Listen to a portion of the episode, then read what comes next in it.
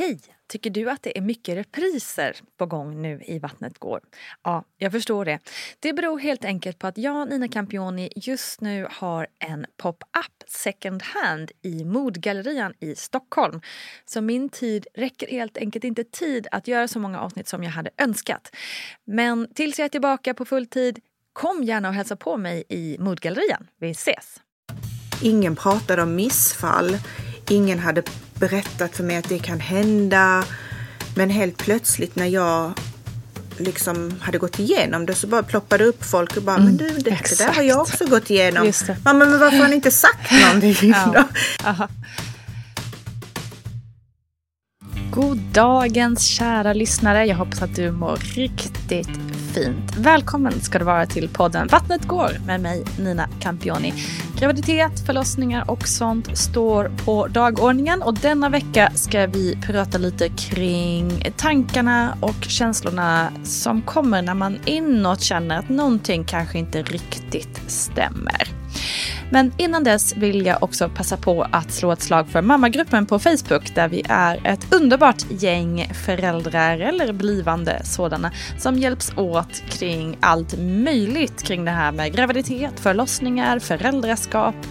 Ja men allt. Vi får stöd och pepp och tips och råd och allt möjligt. Ja det är en supergrupp helt enkelt så kom gärna dit och joina oss.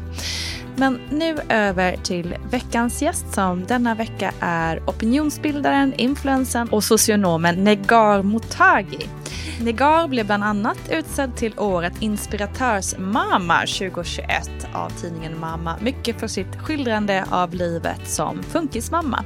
Och just det kommer vi prata mer om i veckans Barnet Går som kommer på torsdag. Och här och nu så fokuserar vi på Negars graviditeter och förlossningar och hur hon redan tidigt kände att något var lite annorlunda. Välkommen alla ska ni vara.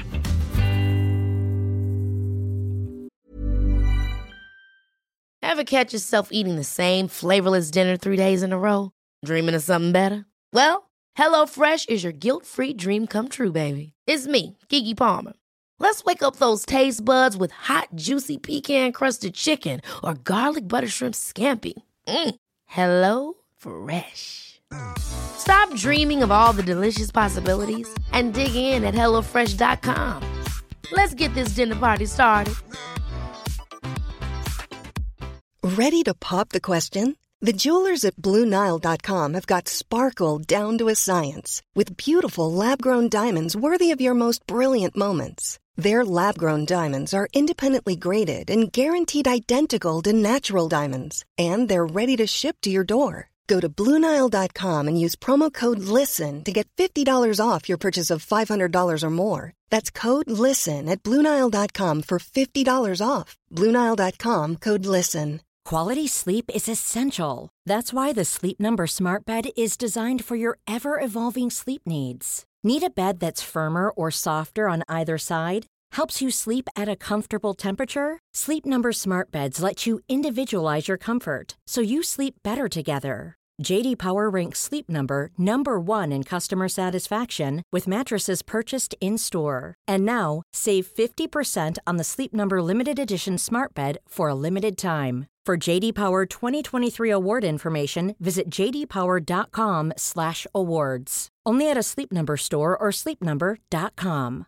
Hi, I'm Daniel, founder of Pretty Litter. Cats and cat owners deserve better than any old-fashioned litter. That's why I teamed up with scientists and veterinarians to create Pretty Litter. Its innovative crystal formula has superior odor control and weighs up to 80% less than clay litter.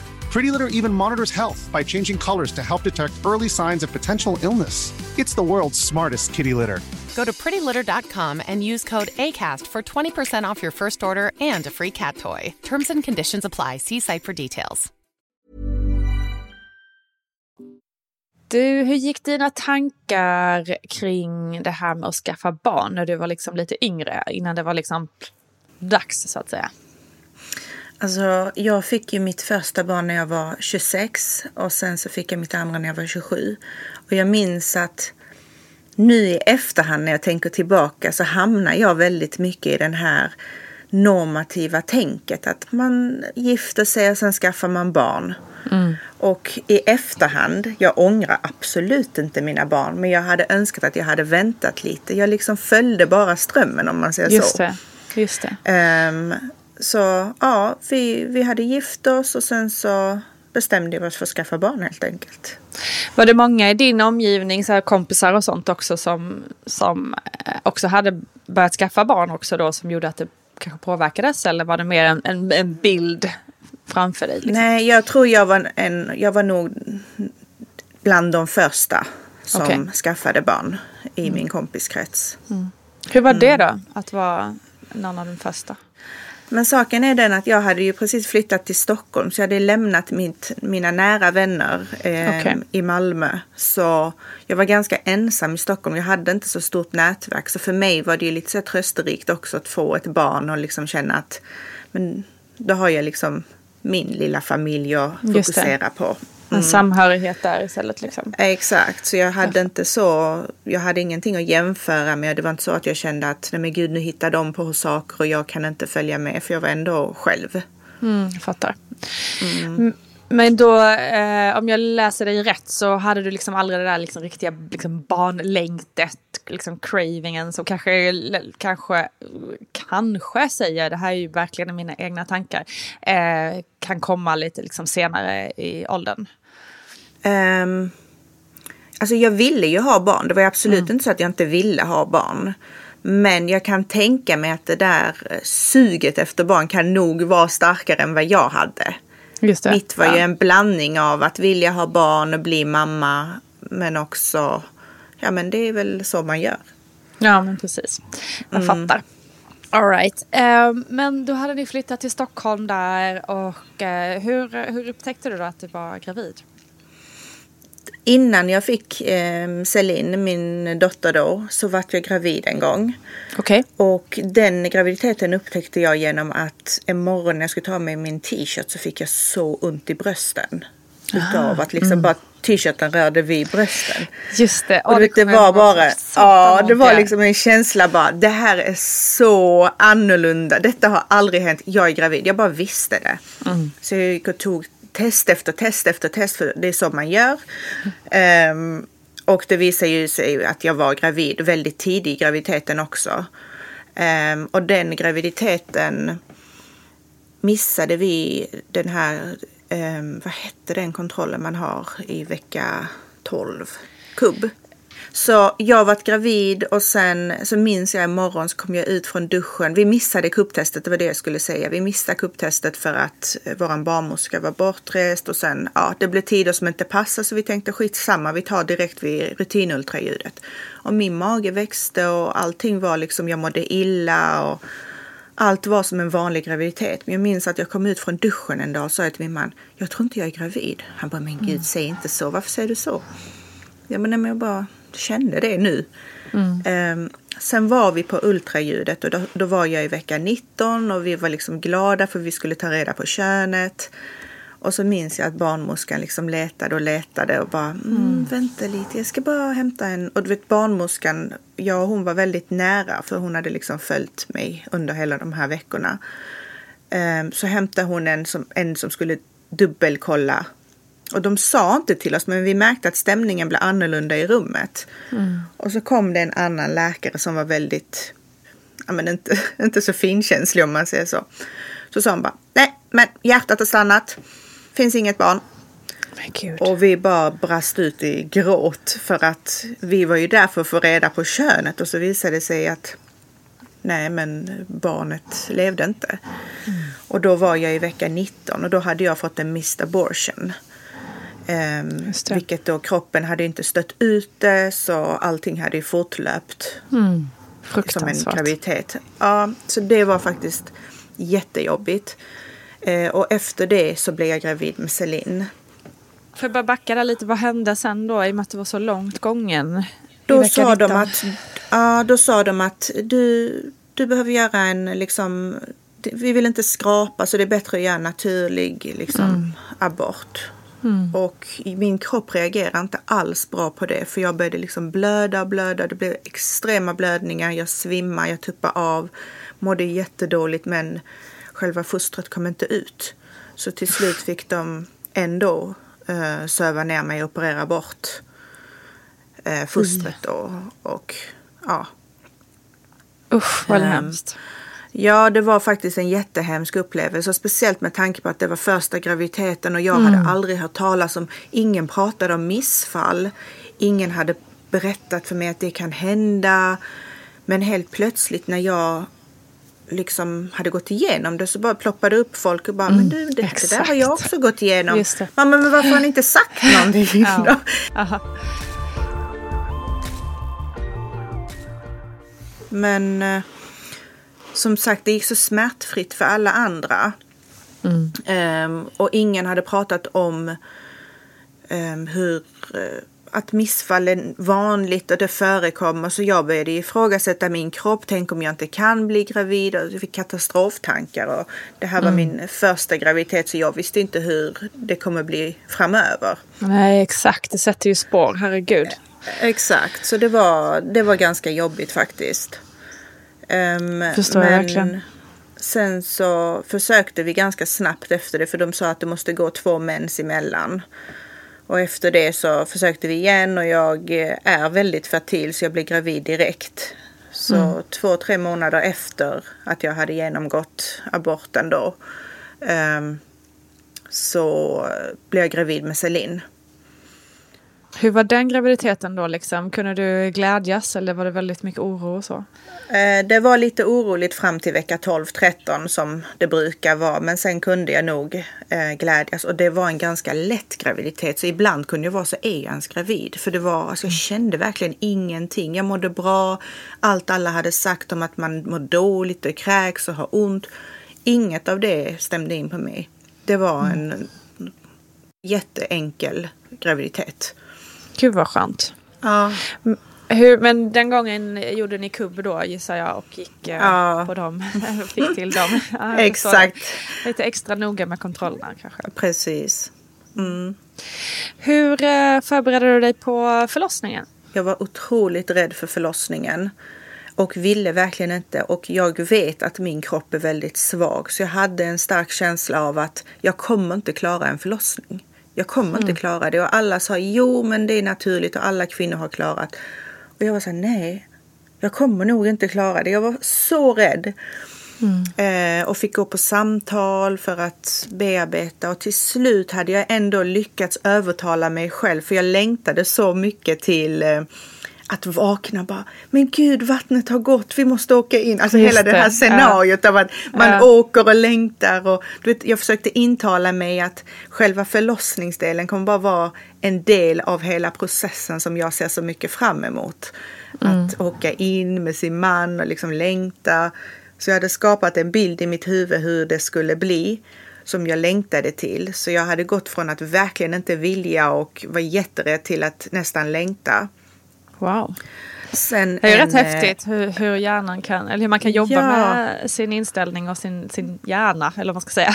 Ja men precis. Det var, m- Men det var också så här metoder som jag hade för mig själv som jag kände bara det här blir bra. Fokusera nu på det som du ser fram emot. Mm.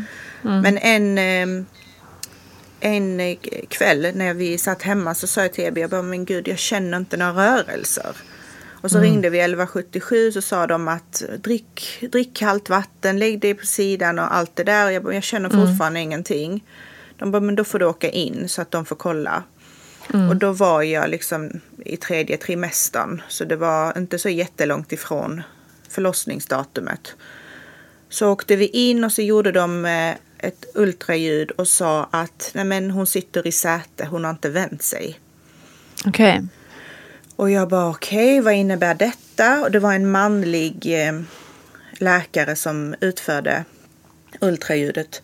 Så sa han det, nej men det spelar ingen roll, du kan föda henne, det är nästan bättre när de sitter i säte. Och jag blev så Nästan bättre. Ja, ja. Okej. Jag, bara, jag bara, men det kan ju inte vara bättre att komma ut med... Exakt. Exakt. Det var Alltså jättekonstigt det, sagt. det går ju att föda vaginalt med söta men det är nog ingen som någonsin har tyckt att det är bättre. Det är svårt att tro. Och jag kände bara, jag som redan är rädd, jag vart ju skitförbannad. Så, Exakt, så, du ja. vet, då var jag så här, men föd själv då.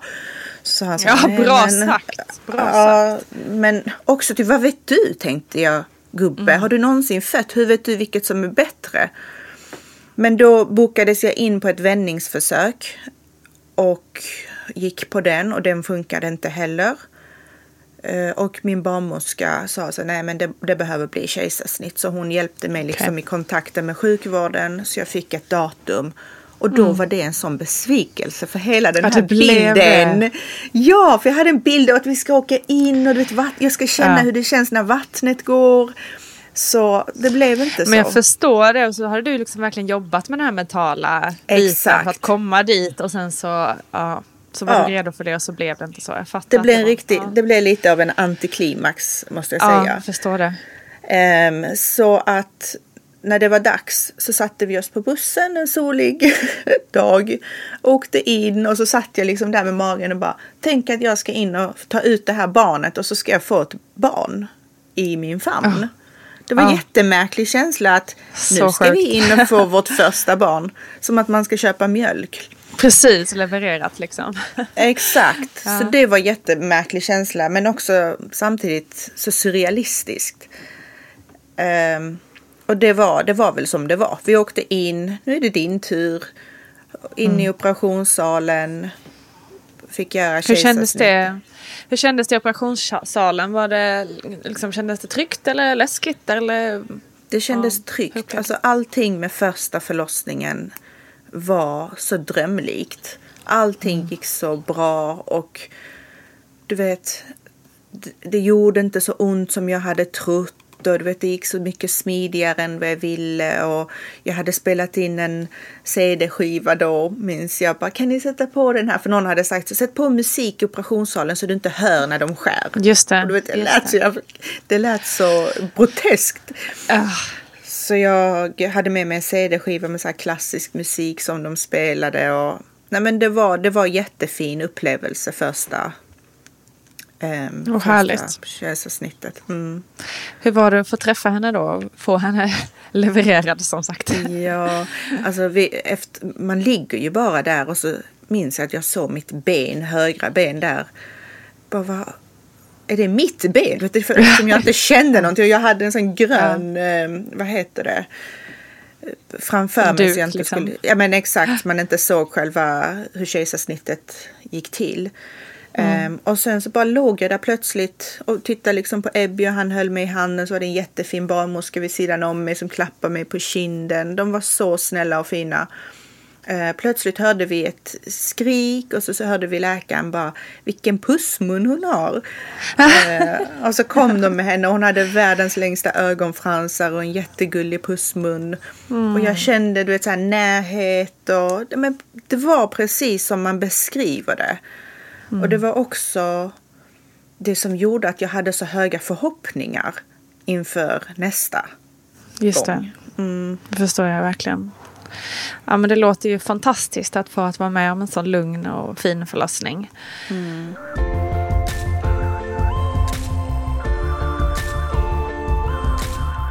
Hur eh, mådde du sen då? Med, jag tänker med, med eh, operationssåret och allt sånt där. Det kan, det kan ju vara en sak som många kan vara lite rädda för när det gäller just kejsarsnitt. Hur man mår i kroppen efteråt. Ehm, ja, och jag tänker att det, nu låter ju min första förlossning så provocerande bra. Alltså, men, Ja men det kan vi alla- unna dig hörru. Ja, jag tänker att alla som lyssnar har hittills blivit provocerade. Lyssna till resten så kanske det jämnar ut sig.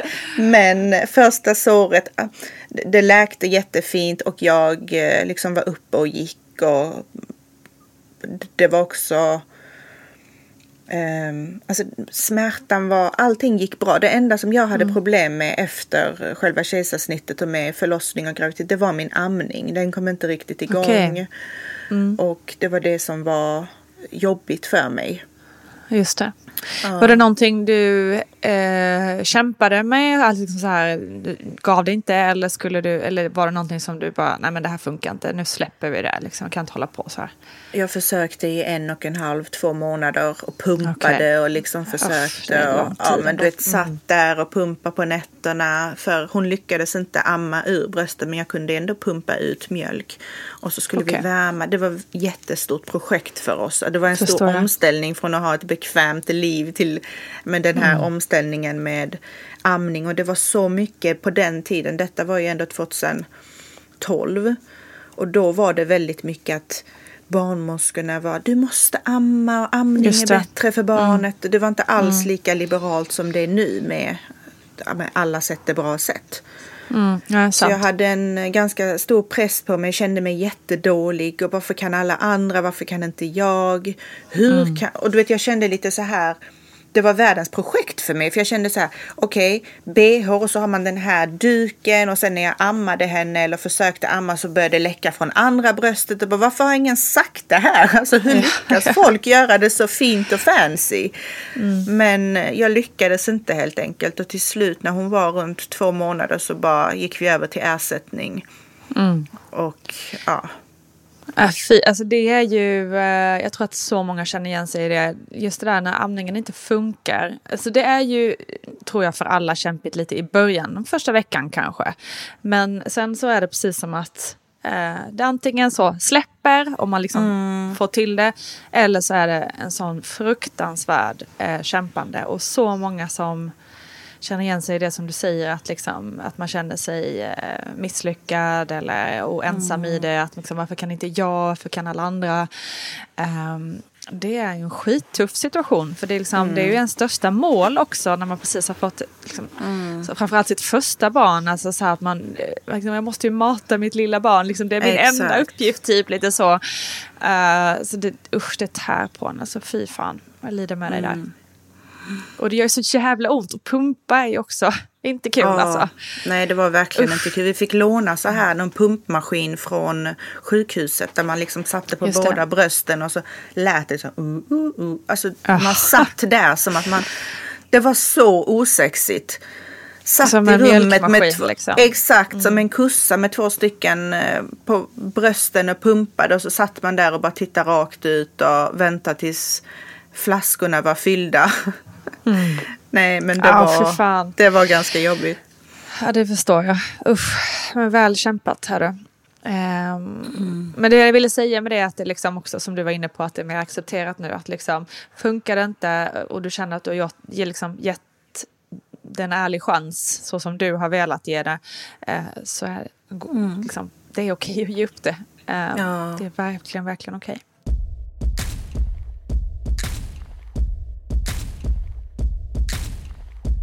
Hur lång tid sen tog det innan ni började snacka lite kring syskon och sådär? Alltså jag, jag och min syster, det är nio år mellan oss. Och jag vet att jag alltid har sagt att jag vill ha ett barn tätt. Så jag vill inte att det ska gå så många år som jag och min syster. För jag känner att vi fick aldrig den systerrelationen eller syskonrelationen när vi var yngre. Just det. Så ganska snabbt efter att Celine var född ehm, så började jag promota för ett till barn. och när jag säger ganska snabbt så var det väldigt snabbt. Det var typ en månad efter att hon var född som jag kände bara, ska vi inte ha ett till syskon? Eftersom allt hade gått så bra. Graviditeten var fantastiskt lätt. Hon var ett enkelt barn. Jag läkte bra. Allting var liksom så drömlikt och enkelt. Och lite så här, är det det här alla klagar på? Ja, Jag, blir, alltså jag provoceras bokstav, alltså jag provoceras verkligen av mig själv. Hur jag upplevde och kände och tyckte på den tiden. Så vi bara, men okej vi börjar prova. När Celine var tre månader så tänkte vi, men vi börjar testa så får vi se. Jag kan inte bli gravid direkt så det kanske blir ett halvår mellan dem. Alltså eller mellan gravid, att hon är, när hon är ett halvår så blir jag gravid. Men då gick det på första försöket. Så när Celine var tre månader så blev jag gravid Wow. med Niro. Och hur kändes det då när du, så, när du liksom förstod att du var gravid? Var det liksom ah, underbart eller var det bara ah, det kanske var lite för tidigt? Eller hur kändes det? Men det kändes nog bra, men det var fortfarande det var en chock. Även om det inte var helt oplanerat så var det... för jag, jag hade inte ens tänkt på att testa mig den månaden och jag minns att vi satt ute och käkade, jag och min man och min svägerska. Så fick jag jätteont i fiffi. Alltså det var verkligen att det tryckte Jaha. ner. Och så satt vi på restaurangen jag bara, jag har jätteont i min fiffi. alltså, det, det bara, alltså det gjorde verkligen så, så ont. Och, de, Nej, och min symptom. Ja det var jättekonstigt symptom, eller hur? Det är väl inte så jättevanligt. Nej, det har inte jag hört innan tror jag faktiskt. Nej, så min svägerska bara, men tänk om du är gravid? Jag bara, varför, Ah. hur kopplar du ens det till det? Kände jag. Just det. Ja. Ehm, och sen så gick jag och köpte ett test och mycket riktigt så var jag gravid. Wow. Ehm, mm, och det var kul, men lite... Oj, vad, vad har vi nu gjort? hur, hur tänkte vi nu? Det tänkte vi nu ja. ja. Men eh, ja, ja. Så. Men det, det är bara att köra, eller? Ja, ja, vi tänkte så. Vi bara, men det var ju så lätt med Selina. Det här blir jättebra. Tänk när hon är ett år så kommer hennes syskon. Det kommer vara prick ett år mellan dem.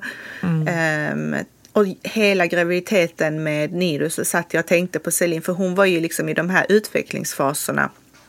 Så hon började gå eller säga mamma. Just eller. Du vet. Ja. Och så var det så här, "Åh, om prick ett år så kommer mitt Ja, andra barn göra det här. Om pricken. till. Ja, och du vet jag hade en sån bild av om prick ett år, om prick ett år, för det är precis 12 månader och fem dagar mellan dem. Okej, det är så exakt. Ja. men så blev det ju inte riktigt. Nej. Hur var den graviditeten då? Var det liksom, märkte du någon skillnad redan där? Ja, jag kan ju säga att den graviditeten var ju rena motsatsen till Celins graviditet. Och det var lite där också jag kände, du vet magkänslan eller mammainstinkten. Och jag bara kände, det är någonting som inte stämmer.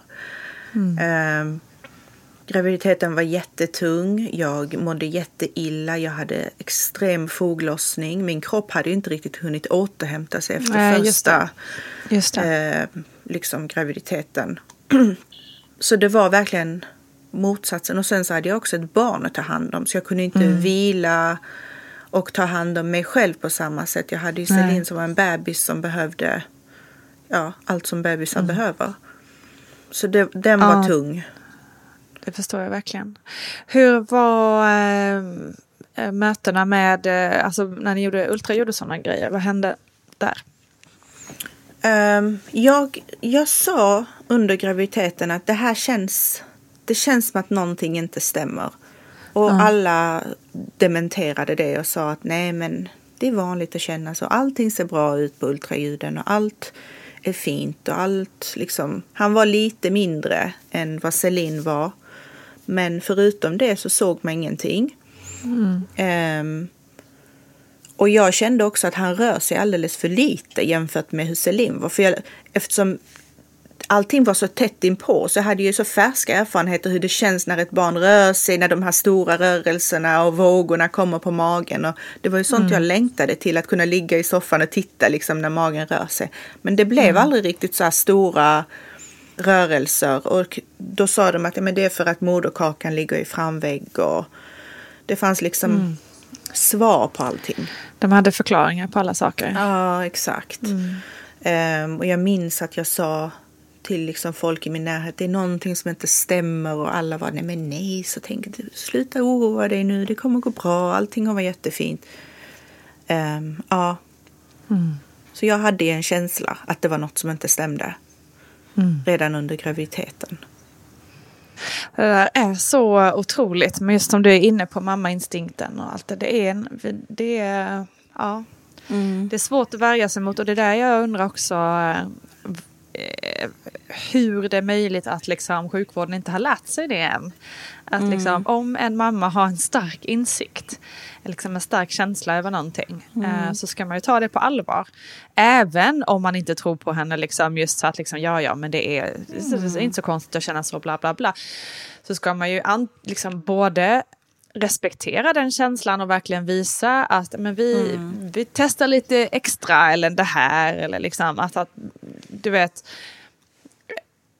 Alltså, jag tänker att man både ska ta den känslan på allvar och alltså, oavsett om den är sann eller inte. För att det liksom, är man orolig som förälder överlag så ska man ju som, som läkare eller sköterska tar den oron på allvar. Tycker jag.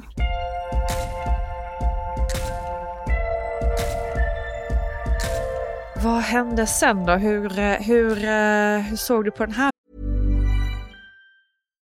Here's a cool fact a crocodile can't stick out its tongue. Another cool fact you can get short term health insurance for a month or just under a year in some states. United Healthcare short term insurance plans are designed for people who are between jobs, coming off their parents' plan, or turning a side hustle into a full time gig. Underwritten by Golden Rule Insurance Company, they offer flexible, budget friendly coverage with access to a nationwide network of doctors and hospitals. Get more cool facts about United Healthcare short term plans at uh1.com. One size fits all seemed like a good idea for clothes Nice dress. Uh, it's a it's a t-shirt. until you tried it on. Same goes for your healthcare. That's why United Healthcare offers a variety of flexible, budget friendly coverage for medical, vision, dental, and more. So, whether you're between jobs, coming off a parent's plan, or even missed open enrollment, you can find the plan that fits you best. Find out more about United Healthcare coverage at uh1.com. That's uh1.com. Hey Dave, Yeah, Randy. since we founded Bombus, we've always said our socks, underwear, and t shirts are super soft. Any new ideas? Maybe sublimely soft. Or disgustingly cozy? Wait, what? I got it. Bombus. Absurdly comfortable essentials for yourself And for those facing homelessness. because one purchased equals one donated. Wow, did we just write an ad? Yes. Bombas. Big comfort for everyone. Go to bombas.com slash ACAST and use code ACAST for 20% off your first purchase. Hey, it's Ryan Reynolds, and I'm here with Keith, co star of my upcoming film, If, only in theaters, May 17th. Do you want to tell people the big news? All right, I'll do it. Sign up now and you'll get unlimited for $15 a month in six months of Paramount Plus Essential Plan on us. Mintmobile.com slash switch. Upfront payment of $45 equivalent to $15 per month. Unlimited over 40 gigabytes per month. Face lower speeds. Videos at 480p. Active Mint customers by 531.24 get six months of Paramount Plus Essential Plan. Auto renews after six months. Offer ends May 31st, 2024. Separate Paramount Plus registration required. Terms and conditions apply if rated PG. Quality sleep is essential. That's why the Sleep Number Smart Bed is designed for your ever evolving sleep needs. Need a bed that's firmer or softer on either side? Helps you sleep at a comfortable temperature? Sleep Number Smart Beds let you individualize your comfort so you sleep better together. JD Power ranks Sleep Number number 1 in customer satisfaction with mattresses purchased in-store. And now, save 50% on the Sleep Number limited edition Smart Bed for a limited time. For JD Power 2023 award information, visit jdpower.com/awards. Only at a Sleep Number store or sleepnumber.com. förlossningen eftersom du hade ju varit peppad på en vaginal eh, tidigare då med Celine och så blev det kejsarsnitt. Hur, hur, hur, hur tänkte du kring den här? Ehm, nej men jag vågade ju återigen inte föda vaginalt och den här gången sa min barnmorska du får inte föda vaginalt för Aha, att ditt kejsarsnitt är så färskt så den, det kan spricka, ja, ja, ärret ja, kan spricka. just det. Men sjukvården var ju på mig. Bara, du, det är naturligt är bättre och du behöver föda naturligt. Och Mhm. Så fick jag återigen gå på samtal och övertala dem att jag inte vågar, jag vill föda. Till slut fick min barnmorska skicka ett, ehm, ett intyg då. Att hennes bedömning är att det inte är lämpligt att jag föder vaginalt. Just det. Så det blev ett planerat kejsarsnitt. Ehm, och jag kommer väl till det längre fram under kejsarsnittet hur avgörande det faktiskt var.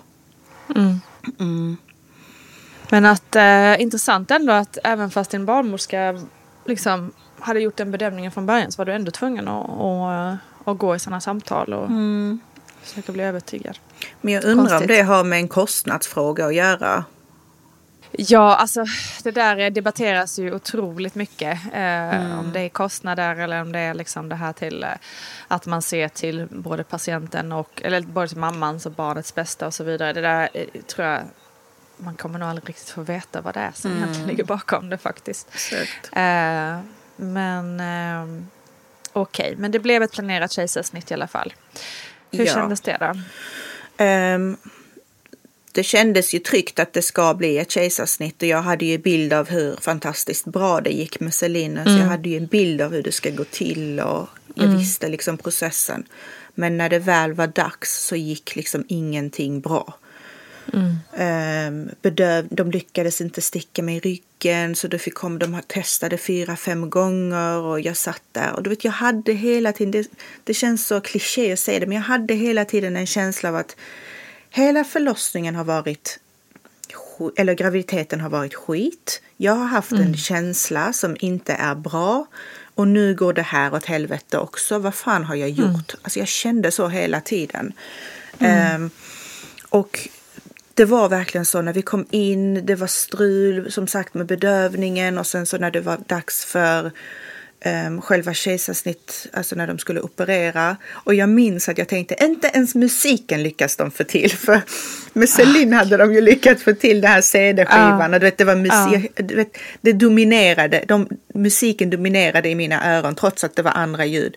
Men med Nido var jag så här, kan ni sätta på musiken? Och de bara, nej men det funkar inte, vi kan sätta på radion. Och så var det typ någon radiopratare som var Aha. jätte, alltså, du vet. Och jag bara kände, bara, vad fan är det här? Det var bara fel på allt liksom. Det var fel på allt och Celins kejsarsnitt tog, om jag inte minns fel, men typ 15-16 minuter från att de började till att vi hörde hennes um, röst.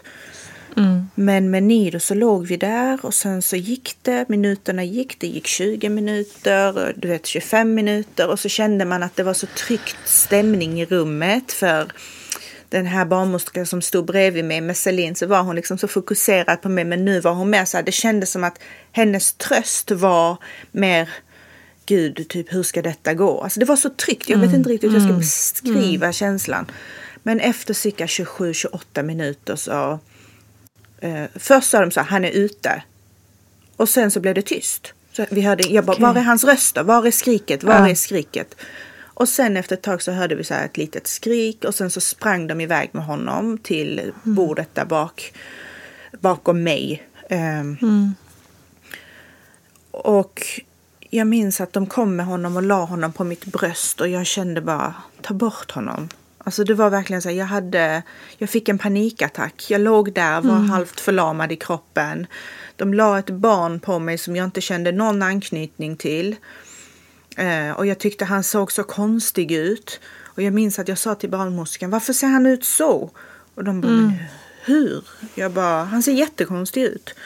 Mm. Nej, han är jättefin och typ, du vet, bara och då var jag så här, är det jag? Varför känner jag så här? Varför, mm. varför varför funkar ingenting kände jag. Mm. Och sen så låg jag där, jag minns att jag tittade liksom åt höger och där var dörren där läkaren skulle gå ut. Och hon höll upp sina händer med liksom sina handskar. Och så var hon helt blek, alltså verkligen så här skärrad. Okay. Och så tittade både jag och Ebby på henne så sa vi bara, gick det, har det gått bra? Gick det bra? Mm. Mm. Så sa hon så här, jag kommer upp till er imorgon och pratar. Jag kommer upp oh. till er imorgon. Och så ni fick egentligen ingen information under hela liksom, eh, förlossningen och liksom Nej, ingenting där och då heller? Ingenting där och då och jag kände bara ingen anknytning till mitt barn. Och mm. jag tyckte han så konstig ut och det är väldigt naket att berätta detta. Och, ja, verkligen. Det är ärligt och, och fint. Ja, och du vet man kan skämmas att man kände så men det var verkligen mina känslor och jag kunde liksom mm. inte hålla i honom. Och vi fick komma till samma avdelning där liksom vid ett år tidigare varit med Celine och jag minns jag höll henne mm. och hon bara letade efter bröstet och hade en klar blick. Men Nido bara låg på mig helt så här, vad heter det, lealös liksom. Mm, mm. Och så sa jag till Ebbe hela jag bara ta honom. För han letade inte efter bröstet, han ammade inte riktigt, det var inget riktigt sug, det var liksom väldigt, ja, allt var väldigt konstigt. Så jag bara, du får hålla honom. Så han höll i honom. Och jag sa hela tiden, jag bara, jag tycker han ser konstig ut. Han bara, nej han är jättefin, han är jättefin, sa han. Eh, och så minns jag att vi fick komma upp till avdelningen. Och det här är så hemskt för vi kom upp till avdelningen och jag hade liksom inte ens hållit i honom nästan. Eh, försökt amma lite men typ knappt titta på honom. Och så vet jag att Ebby höll på att byta mm. blöja på natten. Så, så satt jag i sängen så sa jag kan du ta en bild med din mobil på honom så jag kan kolla på bilden. Mm. Jag kanske minns fel hur han såg. Jag kanske var lite så här av medicinerna så att jag inte mm. riktigt. Så tog han en bild och visade mig så började jag bara storgråta. Jag bara nej, han ser, han ser jättekonstig ut tyckte jag. Mm. Och ingen tog det här på allvar för det jag tänkte på var varför är hans panna så smal? Han hade så smal Mm. panna. Och så sa jag det till Det var liksom hela tiden det jag fokuserade på, varför han såg konstig ut. Mm. Och det är jättehemskt och att fokusera på sitt barns utseende. Men det var liksom mer än så. Det handlade inte om att jag tycker att mitt barn är fult utan det handlade om vad Nej, är det nej, som nej. inte stämmer. Just det. Du kände någonting också. Liksom. Det var något- Exakt. Jag förstår precis vad du menar, liksom, även om jag inte själv upplevt att liksom, eh, det var någonting där, om, kopplat också till, liksom, till blicken, till din inre känsla, att det var någon, Mm. du, du visste att det var någonting helt enkelt. Ja. Då blir det ju att man måste ju hitta, hitta något som någon annan också kan se. Liksom. Precis. Och Mm. du vet, jag jämförde så mycket för det var som sagt så tätt mellan honom och Celine. Och det var liksom Mm. pr- prick ett år sedan låg vi i det här rummet. Prick ett år sedan så hade hon en jättefin panna och hon log och hon ehm, var lugn. Hon skrek inte, hon grät inte och han grät och var jättejobbig på natten. Och Mm. Allt var liksom bara jättejobbigt. Mitt ärr läkte inte. Jag hade jätteont, kunde inte gå upp. Ehm, så minns jag att barnmorskorna kom in och så var jag så här. Ni säger inte åt mig att amma. Jag gör som jag Sluta säga åt mig och koppmata mitt barn. För de, med Celine var de så du får koppa. Och, och jag trodde Mm. att det var deras fel att hon inte kunde amma. Så jag bara, jag kommer amma honom så som jag vill och jag ska ge det här tid. För jag vill verkligen amma. Men innan vi skrevs ut så hade jag sagt till liksom varenda sköterska som kom in, bara, varför ser hans panna ut så konstigt? Till slut sa de att vi hämtar en skallspecialist så får han komma och titta. Så de kände och skallspecialisten kände och så sa han det att han bara, jo men hans framfontaneller ser ju lite sammanväxta ut. Men eh, det är ingen fara, det är ingenting som behöver opereras. Jag bara, men han ser jättekonstig ut. Han bara, ja men jag och du har inte likadana pannor. Jag bara, menar du att hans huvud ska växa men inte pannan? Jag bara, det kommer ju se jättekonstigt ut. Ja, men alla har olika pannor, sa han. Så jag bara, okej. Så vi skickades hem med de orden. Vad sa, kom, för fråga, kom läkaren tillbaka till er någon gång eller? Ja, det Hon gjorde som hon. hade- hon ja, Mm. exakt. Hon kom ju upp till oss dagen efter. Just det. Och så sa, sa hon hon, hon sa att ehm, när vi skulle göra kejsarsnittet och liksom hade kommit igenom de här lagorna och kom till det innersta lagret så hade livmoderhinnan, där, livmodersäcken där Niro låg, själva ärret från förra kejsarsnittet hade inte läkt så den hade ju töjts ut till det yttersta. Så hon bara, så Mm. Vi kunde se Niros hårstrån genom den här tunna lagret. Och Mm. hade du fått en um, förverk eller fött naturligt så hade den spruckit. Och vi var så här, jaha, vad skulle hända då? Alltså jag visste inte. Mm. Hon bara, nej men då hade ju barnet dött och förmodligen du också om inte du hade fått Mm. direkt Mm. hjälp. Så det var extremt tur att det var kejsarsnitt och extremt tur att det var nu. Att, Mm. Så inte du fick en förverk. Just det. Och tänk Och så- att de ville att du skulle gå igenom en vag- vaginal förlossning. Ja. Alltså, Och så sa Åh, hon det Gud. att jag rekommenderar inte er fler barn. Och, men om ni ska ha fler barn så behöver ni vänta minst fem år. Mm. Och det var ju också lite så här svårt att smälta. Vadå inga fler barn? Tänk om Mm. jag vill ha fler barn. Jag har ju googlat att folk har gjort sju kejsarsnitt utan problem. Och så hade Mm. jag tydligen jättemycket ärrvävnad från tidigare kejsarsnitt så det var därför det dröjde. Mm. okej. Ja men då drar hon dem, den nyheten på oss som en chock utöver allt annat som jag kände. Ja, och sen så skickades vi då som sagt hem med Nido som var väldigt svag och inte riktigt amma. Och jag sa att jag ska amma, jag ska inte låta er eh, säga åt mig att koppa honom och sånt. För jag vet, för jag hade, du vet, folk hade sagt till mig man måste fortsätta så kommer mjölken rinna av sig själv. Och bla, bla, Just det. så första natten hemma så låg han vid mitt bröst hela natten. Alltså från att vi... Han låg liksom vid mitt bröst och jag kände bara gud, jag kan amma, vad bra det går. Jag kände Mm. sån liksom befrielse över att han låg och sög och jag ammade. Och dagen efter skulle vi gå in för att väga honom. Och detta är liksom så hemskt för vi kom dit och sen så vägde, de försökte ta den här testet när de sticker och så fick de inte någon blod och sen så stack de och stack de och så lyckades de inte. Till slut sprang sköterskan och hämtade en läkare och så tog de Nido till ett annat rum och han var helt liksom så här. Men lille vän. jätte, jätte, nästan livlös. Alltså. Mm. Och sen så kommer vi till det här rummet så är det ett litet rum där läkaren kommer och Nido ligger där helt um, lojig.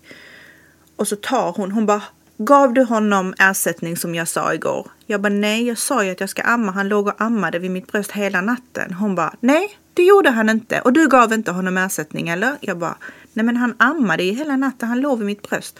Så hon bara Mm. var det det här du ville? Var det det här Oh du ville? Gud. Så tog hon hans hand och liksom bara släppte den och den bara föll så här.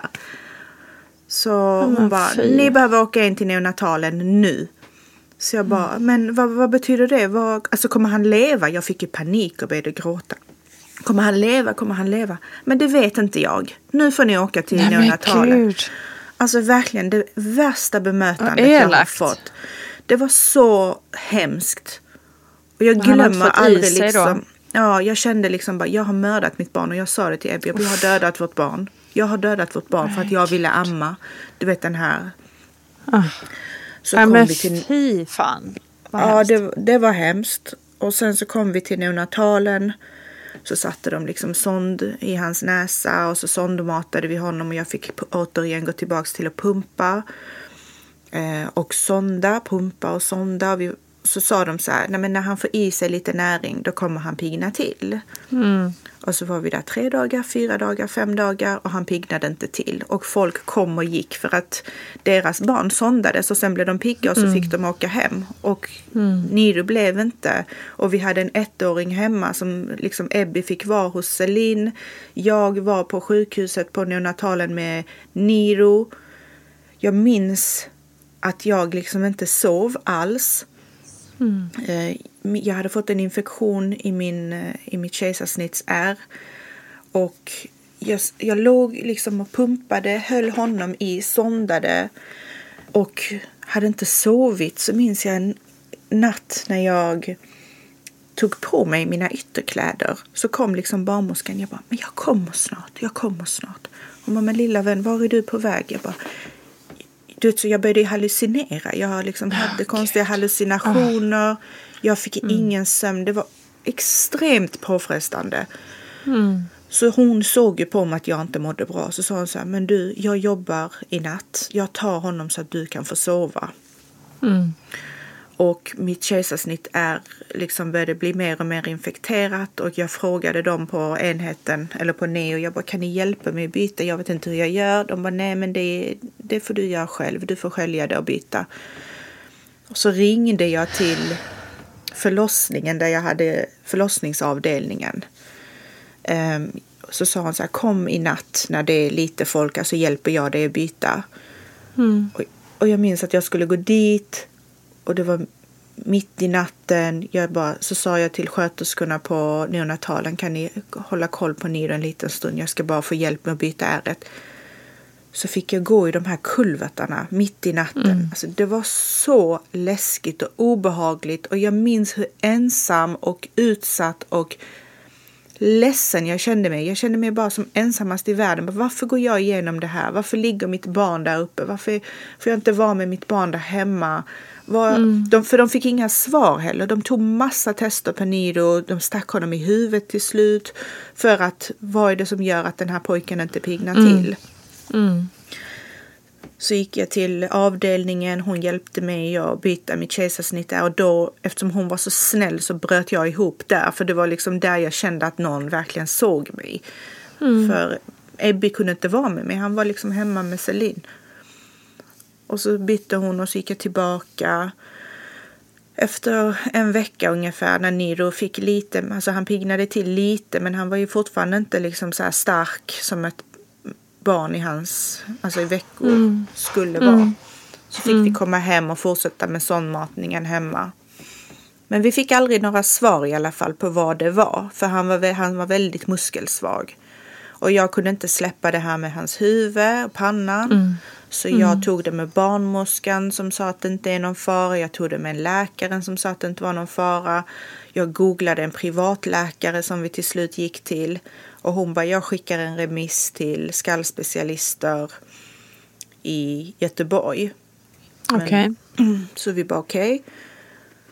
Och eftersom vi hade fått veta att det inte är någon fara så minns jag den dagen när vi skulle på, liksom, träffa den läkaren. Det var i Stockholm läkaren hade mottagningen. Jag, så sa jag till Ebbe, jag bara, går du, jag orkar inte följa med. Och jag var liksom helt förberedd på att de också kommer avfärda detta. Mm, mm. Så kom Ebby hem till slut med Niro i liksom den här babysittern. Eller vad heter det, den från bilen.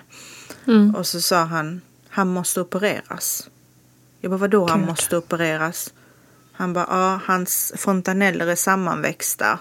Och det finns inte plats för hjärnan att växa.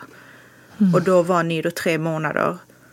Eh, och han måste opereras innan han är sex månader. För att det Jesus är då Christ. skallbenet är mjukt och därefter liksom stelnade. Och det var ju en chock. Mm. Men samtidigt var jag så här, okej, så när han har opererats då kommer allting då kommer han börja utvecklas och då är det det som är problemet. Mm. Så lång historia kort, vi fick komma till Göteborg där han skulle genomgå en operation. Där man skulle liksom öppna upp hans skalle från öra till öra. och såga fontanellerna. Mm.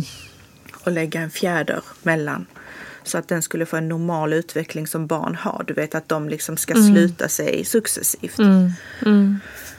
Mm. Eh, och återigen så hade vi ju Celine också så jag åkte ner själv med Nido till Göteborg för den här operationen.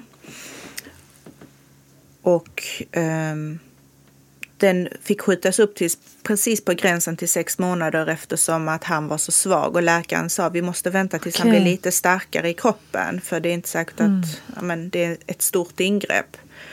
Mm. Så när han var sex månader åkte vi ner och en vecka innan så ringde jag ner till avdelningen och bara Nido har varit sjuk. Han har haft lite så här slemhosta och så. Är det någon fara? De bara nej, du får komma så får läkaren göra en bedömning. Vi åkte ner, läkaren gjorde en bedömning att han kan opereras. Så jag minns att jag gick in i operationssalen med honom, höll i honom och eh, sövde honom. Och jag måste säga det, den dagen när Ebby kom och sa att Nido ska opereras. All anknytningsproblematik jag hade haft fram till den stunden försvann i den stunden. Jag fick så dåligt Mm. samvete och jag översköljdes med sån kärlek till honom och bara förlåt att jag liksom Mm. inte har älskat dig så som du har varit Åh, värd att älskas fram till den stunden. Mm. Och sen minns jag att jag gick in i operationssalen med honom och sen så när de satte på masken så kände jag bara nej, fy fan vad det här känns fel. Det var någonting som inte kändes rätt. Så de bara, vi ringer dig när operationen är klar. Och bara okej, så jag gick upp och sen så bröt jag ihop i rummet för att, ja men, fan, jag har lämnat mitt barn till ett stort ingrepp. Och så Mm. hade jag lärt känna en familj där som hade opererat sin son för samma sak veckan innan. Och de höll mig i sällskap för de skulle åka hem den dagen. Så satt vi i restaurangen minns jag och jag sa så här, jag bara, de kommer ringa och säga att han inte kan andas. De bara, nej sluta. Jag bara, jo men jag vet inte det, jag bara hör liksom meningen, han har slutat andas. Och de bara, nej gud, för oss, till oss ringde de klockan två när Viggo var klar. Och du vet, du behöver inte oroa dig. Och klockan var liksom halv två då. Men de behövde åka hem. Så de åkte och klockan blev två, klockan blev tre, klockan blev halv fyra och jag sa hela tiden till sköterskorna på avdelningen, var är min son? Alltså kan ni bara kolla? De bara, men de ringer dig när operationen Åh, är klar. Oroa Mm. dig inte, de ringer när den är klar. Och du vet, jag hade ju min mobil på ljud och jag ville inte prata med Ebby så det kom hela tiden en sms för han var i Göteborg, eller i Stockholm och Mm. bara vad händer, vad händer, vad händer? Så det var så här pling, pling, pling. Till slut klockan fyra, halv fem gick jag in i deras fikarum. De satt och fika allihopa för ingen brydde sig kände jag. Och så gick jag, fick jag världens utbrott i deras. Jag bara, vad fan är min son? Ge mig min son nu! Klockan är halv fem, ni har inte sagt någonting till mig. Han skulle vara klar Mm. klockan två. Så de bara, nej men nu får du lugna ner dig. Gå och sätt dig så kommer vi, så testar vi att ringa ner och se vad som händer. Och så gick jag och satte mig i tv-rummet och min mobil bara plingade med Ebby och jag liksom satt och skakade och var jätterädd. Till slut kommer sköterskan och så säger hon så här. Ja, nu har jag ju pratat med avdelningen och anledningen att det har dröjt så länge det är för att Niro har slutat andas. Herregud. Och du vet för mig, efter Det det, så var det så här. Beep. Alltså jag hörde verkligen, det- som filmad, vet, det var som att jag fick lock för öronen. Jag, jag såg bara henne liksom röra på munnen och, och jag bara, vad fan menar du? För hon sa, hon bara, nu, han ligger i respirator och du, om du går till rummet och väntar så kommer narkosläkaren och pratar med dig strax. Jag bara, men vad, bety- vad, är, vad är en respirator? Vad betyder detta? Hur länge ska han ligga i den? Kommer han död? Jag hade så många frågor och fick liksom inget. Du får vänta så kommer läkaren och pratar med dig. Okej, jag gick in i rummet så kommer läkaren och så säger hon att själva operationen med huvudet gick bra men när vi skulle när han skulle vakna ur narkosen gjorde han inte det. Ehm, så de hade fått göra hjärt och lungräddning på honom. Men han hade liksom inte klarat av så de fick liksom återkoppla honom till respiratorn. Och jag bara, vad betyder detta?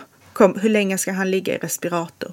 Det vet vi inte än. Vi, det här brukar inte förekomma. Alltså det var väldigt så här känslokallt kände jag. Jag behövde liksom bara att någon kunde krama mig där och då. Ehm, och så var hon så här. Du ska få gå ner och träffa honom snart. Det finns tyvärr inte så mycket liksom, svar just nu. Men du sa inte till oss att han var, för det var mycket slem i hans lungor. Du sa inte till oss att han har varit sjuk. Gud. Jag bara, jo det har jag. Det sa jag. Ja. Jag ringde och du gjorde en bedömning innan operationen att det var okej. Ja, men jag hade inte fått information att han var sjuk. Och du vet, då kände jag så här att det var mitt fel. Ehm, men det skulle också säga var när den här sköterskan kom innan narkosläkaren kom till mig. Så sa hon så här efter att hon sa att ni har slutat andas och du får vänta i rummet. Så sa hon så här. Men du, jag vill också bara säga en sak. Ju mer tid du lägger på din telefon, desto mer tid tar du från din gud. son. Men snälla någon. Åh herregud. Säger hon det? Ja, I för att, min ögonblick? mobil, ja, för att min mobil hela tiden plingade. För att Ebby liksom skickade sms och jag ville ju inte prata med honom för jag väntar på läkarens samtal. Snälla någon. Snälla någon. Och jag, ja det var, det var, det var sån vidrig upplevelse och då ringde jag ju Ebby. Jag bara, du måste komma ner nu. Nu, nu, nu. Och jag har ju alltid bara sett mitt perspektiv ur den här händelsen. Jag kan bara föreställa mig hans. Att få, jag bara, Nido har slutat andas. Och du vet, min, i min panik, jag vet inte vad jag sa. Och han kanske dör, han kanske dör. Och han, Ebby var så här lugn. Nej, det kommer gå bra, han kommer inte dö. Jag kommer, jag kommer. Och sen så ringde jag min mamma och pappa härifrån i Malmö. Och bara grät. Och sen vid tio tiden på kvällen så hade både Ebby och mina föräldrar hunnit ta sig både upp och ner. Mina föräldrar kom från Malmö och Ebby kom från Stockholm. Han tog liksom första bästa flyg. Ehm, och så kom vi in i rummet där Niro låg i liksom massa apparater kopplade till honom och han var så här liten plutt med typ bandage runt sitt huvud efter en stor operation i respirator. Lilla vännen. Och de, ingen kunde liksom svara på vad som var vad och hur det skulle gå. Och sen dagen efter, alla så, vi, ja, den natten gick ju på något sätt. Och sen dagen efter så kom det en jättegullig finsk läkare som sa att nu ska vi försöka milda, ta ner på hans mediciner och så ska vi försöka koppla bort respiratorn. Så om ni går och sätter er där ute, detta var på eftermiddagen, då hade han legat i respirator i lite mer än ett dygn. Så vi fick sitta där ute och så minns jag liksom när de här dörrarna öppnades upp och jag, mamma, pappa och Ebby. Och så tittade vi liksom bara, är det läkaren? Är det läkaren? För då kunde han ju komma och säga att han inte kan andas utan respirator eller Just så kan han. Så det var ju liksom ett livsavgörande ögonblick och det var samma dag. Min pappa fyllde år den dagen också. Och sen så satt vi där kanske en kvart, 20 minuter. Till slut öppnades och så kom läkaren ut och bara han andas själv. Typ så här jätteglad. Och vi bara, alltså ja, det var, det var liksom som att få ett barn på nytt. Jag fattar det. Um, ja, så det var liksom den processen med hans operation och så tänkte vi att nu, nu kommer det nog bli bra. Mm. Men um, så blev det inte det. Han var ju sex månader då när, de, när han fick genomgå det här ingreppet. Och sex månader efter så skulle de ju ta ut den här fjädern men det var ett mycket mindre ingrepp. Um, men vi var ju fortfarande jätterädda för sövningen. Mm. Men det gick bra och det, liksom, det var inga problem och allting gick bra. Och då, då hade han eh, hunnit eh, fylla ett år. Men han kunde inte sitta, han kunde inte gå, han kunde inte säga några ord. Mm. Och jag minns att jag liksom hela tiden googlade. Barn som är sena i sin utveckling, barn som pratar sent, barn som sitter sent. Och allt som mm. kom upp var familjelivet och um, deras bedömningar av sent var liksom så här, ja men mitt barn lärde sig sitta sent när hon var fem månader. Och då var jag så här, men mm. det är fortfarande tidigare än vad detta är. Liksom. Så då, fick, då var jag så här, nej men jag har sökt fel för att trösta mig själv. Så jag var så här, barn som lär sig sitta efter 16 månader. Alltså du vet så här, ville liksom hitta andra i just min situation.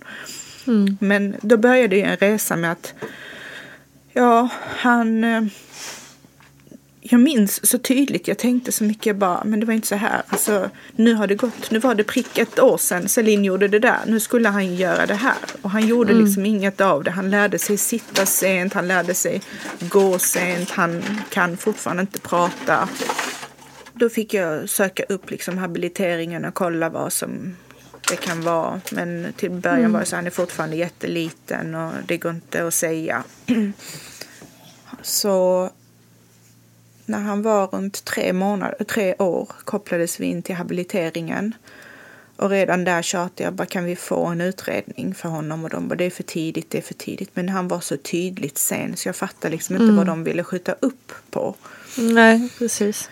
Han var inte alls som sina jämnåriga och han, ja, han Känns ju också konstigt med tanke på det ni har gått igenom, operationer och allting. Alltså att det borde finnas någon rimlig anledning till att kolla upp mm. några saker mm. tidigare än, än liksom.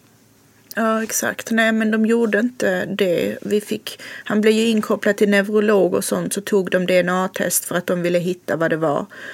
Um, men de hittade ingen matchning på någon sällsynt syndrom eller så. Mm. Inte då eh, i alla fall. 2016. Um, ehm, men sen 2019 så ringde jag igen och bara kan ni inte göra en ny sökning? För att jag menar, ni säger ju hela tiden att forskning går framåt och så. Precis. Mm. Så då gjorde de en ny... Det, nej, förlåt, detta var 2019 när de gjorde i september fick vi ingen matchning. Sen mm. 2021 så gjorde de en ny sökning och hittade en matchning på ett sällsynt syndrom okay. som heter ZTTK som upptäcktes oktober 2019. Så då hade Oj. den inte lagts in i banken. Men, men gud. Eh, och detta är då ett Jesus. jättesällsynt syndrom som eh, det finns några hundratal i världen bara. Och det är mm. liksom mm. en DNA-mutation som uppkom under fosterstadiet. För fram tills vi fick det svaret okay. så tänkte jag alltid Ja, jag tänkte att jag var alltid så här, för jag fick, man får ju så dumma kommentarer. Och bara, drack du alkohol under din graviditet? Ah. Gjorde du så? Ah. Drack du kaffe? Stressade du? Så jag hade mm. alltid två scenarion och jag trodde 100% att det här var mitt fel. En gång mm. när jag städade toaletten och använde någon sån här rengöring, kloakrengöring och så hällde jag på kokhett vatten så började det ånga. Mm. Och så var jag bara så här, den gången jag andades in den ångan. Oh. Eller så Fan. var det den gången när vi var på bröllop och jag tog en klunk champagne. Mm. Så jag var Klart helt att det säker. var ditt fel. Ja. Så det var faktiskt oh, vilken skönt. jävla psykologisk terror. Det var jättejobbigt. Men jag fattar då vilken lättnad liksom att, äh, att få svar på att det var... Och också den här liksom att du hade känt redan under graviditeten att det var något som inte mm. stämde. Liksom. Exakt. Otroligt. Men eh, ja, det var ju resan med graviditeterna och hur det inte alls blev. Alltså det blev ju rena motsatsen. När Nido föddes var vi på sjukhus ett helt år nästan för Mm. alltså, återkommande läkarbesök, sövningar, röntgen. Han fick ljumskbråck. Ehm, Nej men det var, det var en jättehemsk period och så fick han förkylningsastma och han var alldeles för svag för att hantera det själv. Så det blev Mm. ambulanser ganska gud. eh, ofta. Fan tufft alltså. Herregud, vilken jävla resa. Mm. Det var Otroligt. tufft och det är fortfarande tufft men inte på samma sätt. Nu är det inte så mycket läkare och så utan Mm. han är ju frisk. Men Mm. ja, han har ju sina diagnoser. Han har ju svår autism, han har svår intellektuell funktionsnedsättning, Mm. icke-verbal och liksom för psykologen sa så här att han är som ett tvåårigt barn kognitivt. Så sa jag till honom, Mm. jag bara, men tvååriga barn förstår ju. Om man säger typ hämta bollen eller gå inte dit. Just det. Stopp. Mm. Hon bara, nej men du får tänka att han är som ett tvåårigt barn med svår autism. Mm. Lilla vän. Hur så. gammal är han idag? Han är nio. Mm. Men jag upplever en, alltså det är ändå, för att även om det inte är lika mycket läkarbesök och sådana typer av grejer så är det väl kanske fortfarande ett känslomässigt sår som man Mm. fortsätter, fortsätter att bearbeta antar jag. Ja, alltså jag minns att habiliteringen gav mig en dikt bara. Välkommen till Holland. Och det är någon grej som liksom florerar bland funkisfamiljer och många, många föräldrar finner stöd i den. Men jag känner mig Mm. väldigt provocerad för hela dikten går ut på att så, du hade planerat en resa till USA men du hamnar i Holland och i början så är det jobbigt men så upptäcker du att Holland också har tulpaner och fina. Just mig är det. det bara nej. Mm. Jag hade inte tänkt bosätta mig i Holland eller jag hade inte tänkt bosätta mig i USA. Jag ville bara hälsa på. Ja, just det. Du vet, så för mig är det så här, nej, alltså jag kan inte finna någon typ av eh, acceptans har jag funnit. Jag accepterar läget, det är lugnt, men jag tycker inte om det. Nej. Det tycker jag ändå är lite befriande att du säger. För att jag upplever att, eh, att man kanske inte riktigt får säga det i en sån situation. Att man, man hela tiden, åh livet är tusen gånger bättre och har gett mig så mycket glädje för att vi har en, speci- för att vi har en speciell situation. Eller vad nu, Mm. nu, nu generaliserar jag naturligtvis. Ja, ja. Men det är väldigt sällan man hör någon um, våga säga det ärligt. Eh, Jag tror, att det, men jag tror att det finns en så här föreställning att jag har också sagt det själv. Det här livet har lärt mig så mycket som jag inte visste innan. Mm. Men Mm. om jag fick välja hade jag hellre varit dum. Alltså, Mm. jag hade hellre Mm. varit utan denna kunskapen och erfarenheten. Om jag fick välja med att Nido ska få bara få vara som alla andra barn. Mm. Mm. Men man får ju inte välja och det är som det är. Och jag tycker inte om det. Alltså, jag kommer aldrig tycka om det.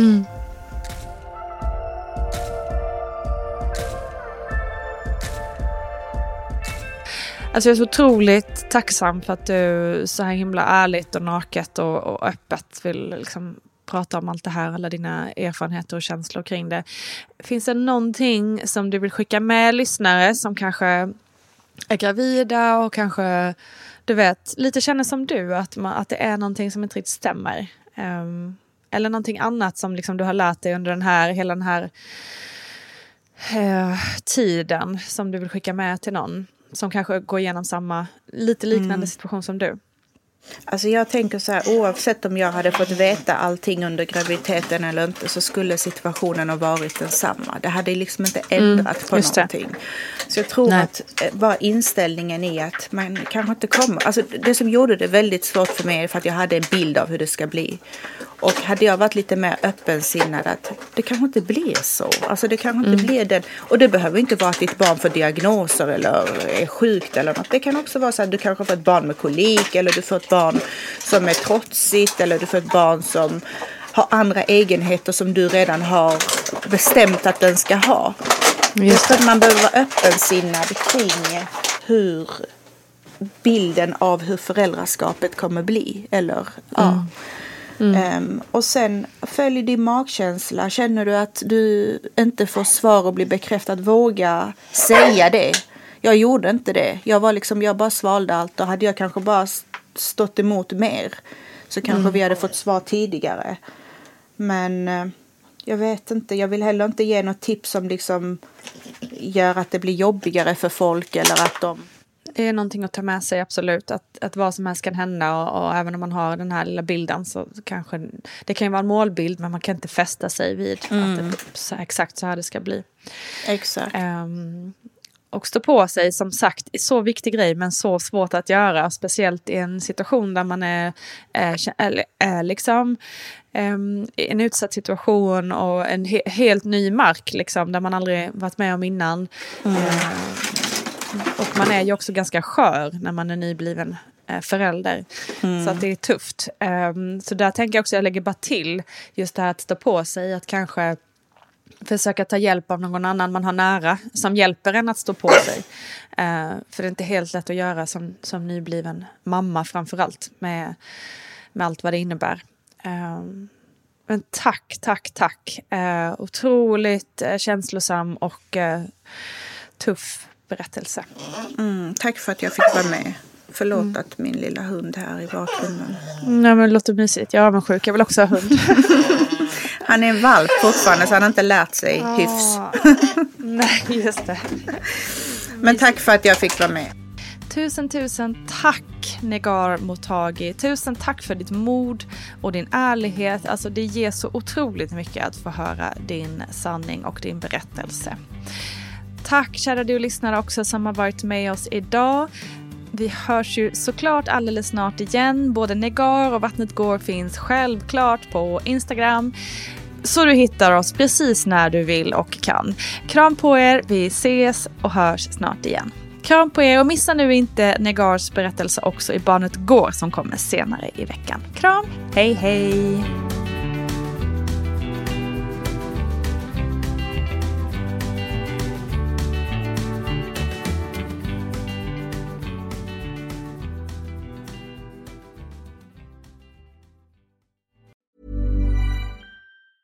Ever catch yourself eating the same flavorless dinner three days in a row? Dreaming of something better? Well, HelloFresh is your guilt-free dream come true, baby. It's me, Gigi Palmer. Let's wake up those taste buds with hot, juicy pecan-crusted chicken or garlic butter shrimp scampi. Mm. Hello Fresh. Stop dreaming of all the delicious possibilities and dig in at HelloFresh.com. Let's get this dinner party started.